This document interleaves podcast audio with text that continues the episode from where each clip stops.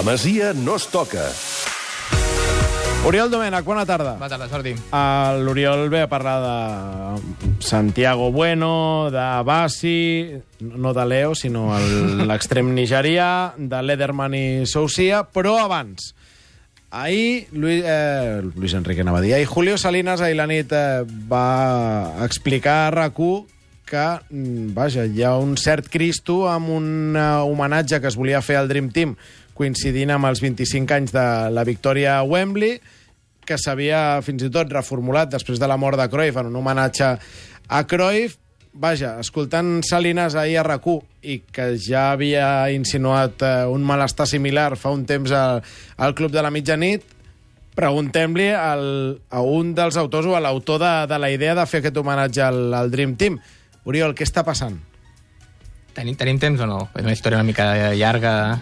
Dale, Anirem- dale. anirem per Tú, feina, tú no le preguntas, tú dale. Aviam, això va ser una idea que, que vaig tenir fa un any i mig.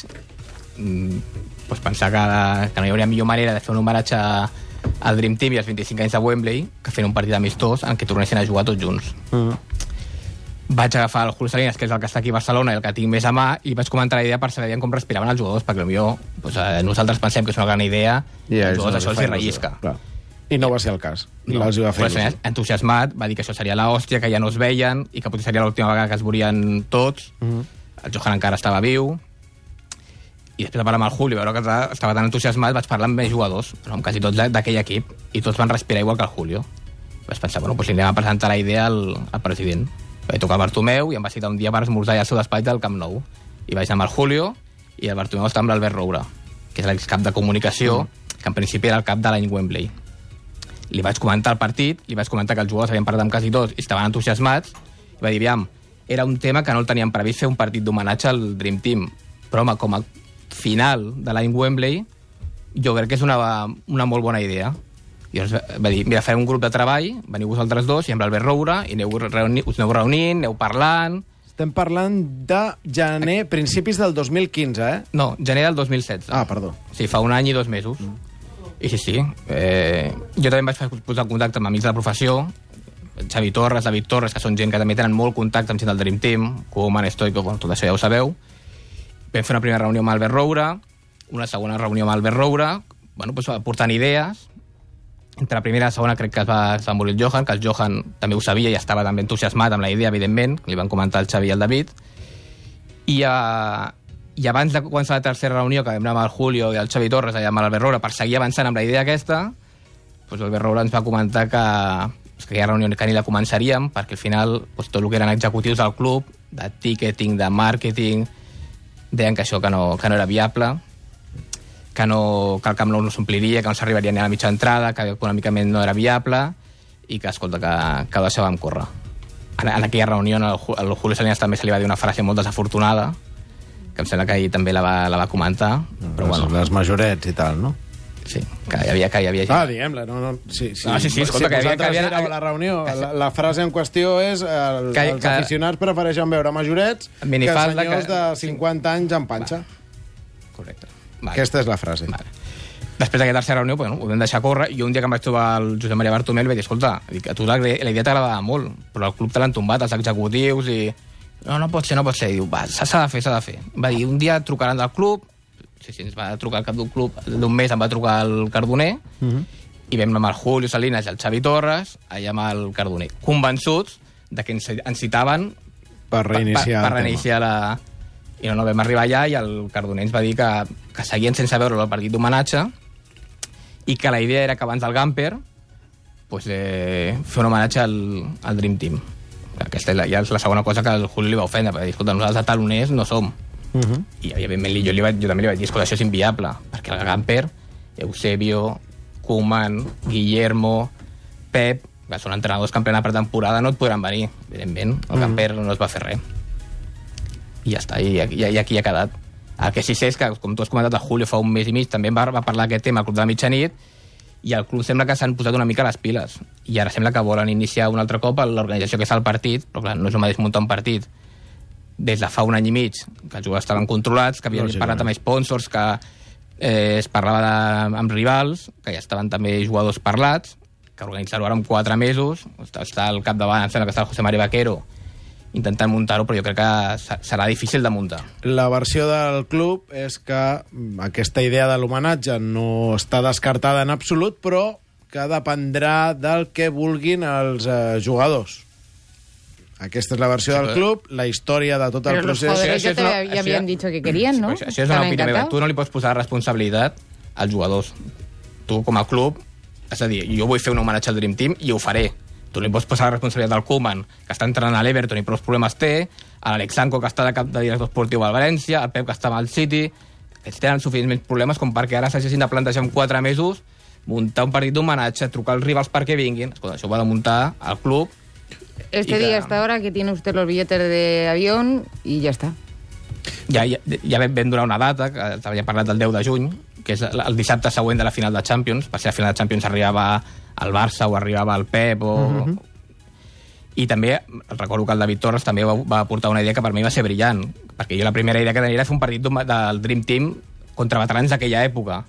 I després de la mort del Johan va dir, hosti, el que es podria fer és que comencés jugant al Dream Team i durant els 90 minuts doncs, fos un relat del que han sigut aquests 25 anys del Barça. És a dir, que que el Dream Team juguessin 20 minuts i que després entressin Luis Enrique, Cocu, Rivaldo, Ronaldinho, Deco i acabessin jugant els d'ara. Pues Piqué, Xavi, Iniesta, Messi, aquesta gent. Que jo crec que això seria el millor homenatge possible que se li podia fer al Johan, que no només va ser la Copa Europa de Wembley, sinó els 25 anys després. Amics, eh, així està el pati. Mm, un homenatge al Dream Team no ven, o com a mínim això pensa una part... Eh... Home, jo crec que queden 4 mesos i, i espero que el club es posi les piles i, i monti alguna cosa. Espero. Des del club avui, per, perquè encara quedi més patent la posició oficialista, ja va Se ríe, se ríe el solo ya. No, pel tema de, de, de, dels metres quadrats i el nou estadi i tot això. Diuen que ho posen en mans dels jugadors i que això depèn... La forma del, de l'homenatge serà la que vulguin eh, els jugadors, vaja. Eh, Això, clar això, que és una, un primer això és una manera de dir que si no es fa el partit, la culpa haurà estat dels jugadors. Sí, bueno, Quan els jugadors fa un any i mig que estarien sí. per la labor de fer-lo. Es increíble que al club no se le ocurran estas cosas. Es que eso es otra, porque tampoco es una idea muy original hacer un partido de, Es de increíble que al club al no se ocurran estas cosas. És una pena perquè Però avui també et està... dic que és molt probable que hi tingueu més accés als aquests jugadors del Dream Team, a tu, el David Torres, el Xavi Torres, això, això no que no pas des del això no club. Clar, perquè quan... doncs llavors no els aixafis la guitarra. Clar, clar, per això, la per això. idea I tira-la endavant. Mira, Sí, sí, és que clar. avui estava Per, content. per, per cert, per, pels que pensin malament, jo vaig parlar amb el Jordi Cruyff quan va morir el Johan i els, els, tots els beneficis que es poguessin treure d'aquest partit eren per la fundació del Johan. No crec que ningú pensés malament, però està No, bé. sí, sempre hi ha gent que pensa Sí, que es munten bueno. per guanyar, guanyar diners. I, sí, En tot cas, avui jo estava content perquè hem presentat Ronaldinho ambaixador, hem pogut parlar amb Ronaldinho, però ara ha vingut l'Oriol a explicar-nos això, que és tal com raja, i ja m'he fotut de mala llet. Ya le has Intentarem... puesto otra vez tú de mala és leche, el que ¿ves? anava a dir. Tu, Tinc a mig dia programa tornaves tingut- a estar de mala llet. oscil·lacions. Oh, qué día tiene. Sí. Eh, però quan, quan he Puja començat a coincidir amb la Gema, la Loto Lucho, m'he posat de bon humor. Uh, L'Oriol, evidentment, ve a parlar també de, de la Masia. Aquesta setmana hem sabut uh, dos fitxatges, un pel juvenil A, el del central Santiago Bueno, i un uh, d'un extrem uh, Bassi per al Barça B, en teoria, que va faltat d'extrems. Avui eh, la Marta Garcia i el, la, i el Roger Bussà eh, s'han posat en contacte amb el seleccionador uruguaià sub-20, amb Fabián Coito, perquè ens parlés una mica d'aquest Santiago Bueno que no coneixem gaire. D'entrada ens ha parlat de les seves eh, qualitats que considera que són més que suficients, tot i que li falta consolidar-se físicament. precioso físico, una inteligencia bárbara para jugar, como marcador central hace todo bien, diríamos. Hoy él está compitiendo con dos futbolistas que son un año mayor que él y desde el punto de vista físico están un poquito más consolidados y yo diría que es ahí el lugar donde Santiago resta su crecimiento, que es en la consolidación de, del físico, ¿no? Porque él juega en una zona donde hay mucha fricción, mucha lucha por el espacio, por el lugar y él ahí frente a delanteros de, de mayor porte, diríamos que puede sufrir hoy, en estos momentos, alguna dificultad, pero ya tiene una altura tremenda y lo que le resta nada más es consolidarse desde el punto de vista físico. És alt, però haurà de fer peses. Per resumir el que ens explicava Fabián Coito, que aquí també li hem preguntat si té nivell Barça i si s'adaptarà amb facilitat a l'estil del club. No tengo ninguna duda.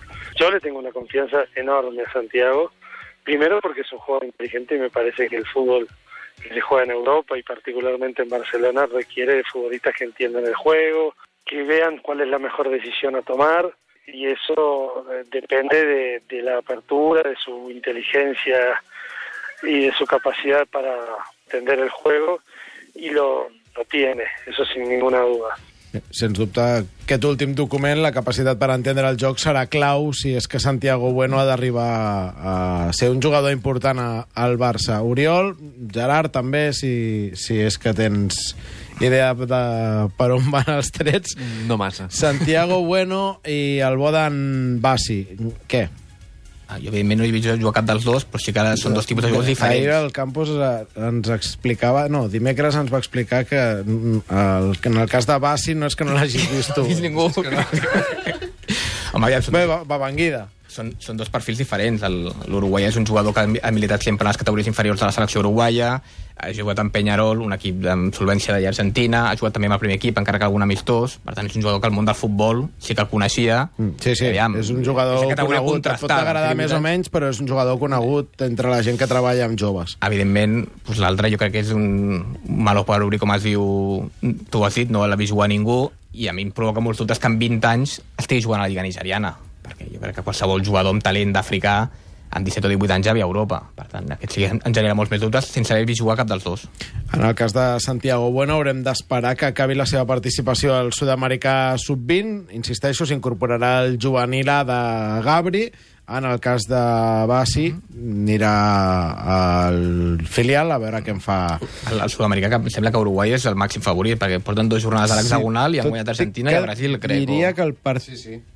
El part... Em diu la Marta que han guanyat Argentina 3 a 0 i el Brasil 2 a 1. El que passa, l'últim partit diria que no el va jugar, com a mínim no el va jugar de, de titular, però ara parlo de, de memòria. Bé, eh, com que no els coneixem, haurem d'esperar a veure què tal quan arribin aquí. L'Oriol ens porta la bona notícia que l'Ederman i Soucier, dels quals parlàvem la setmana passada, ja han jugat. Van jugar dimecres un partit de selecció, contra la selecció catalana del juvenil, que van guanyar 2-0, però la veritat és que ja encara no tenen fitxa, però com a mínim es van poder posar una altra vegada la samarreta del Barça.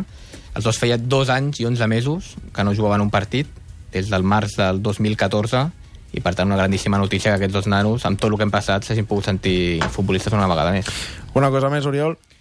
Per la gent que vulgui veure un gran partit, diumenge a les 10 a Sant Adrià, al camp de l'Espanyol, Espanyol-Barça de juvenils B. No, molt bé. La setmana passada va ser... de juvenils A, Ah. Espanyol-Barça, que el Barça guanya 0-1, 12 punts d'avantatge, falta 9 partits, es pot dir que virtualment el Barça és campió de Lliga. Molt bé.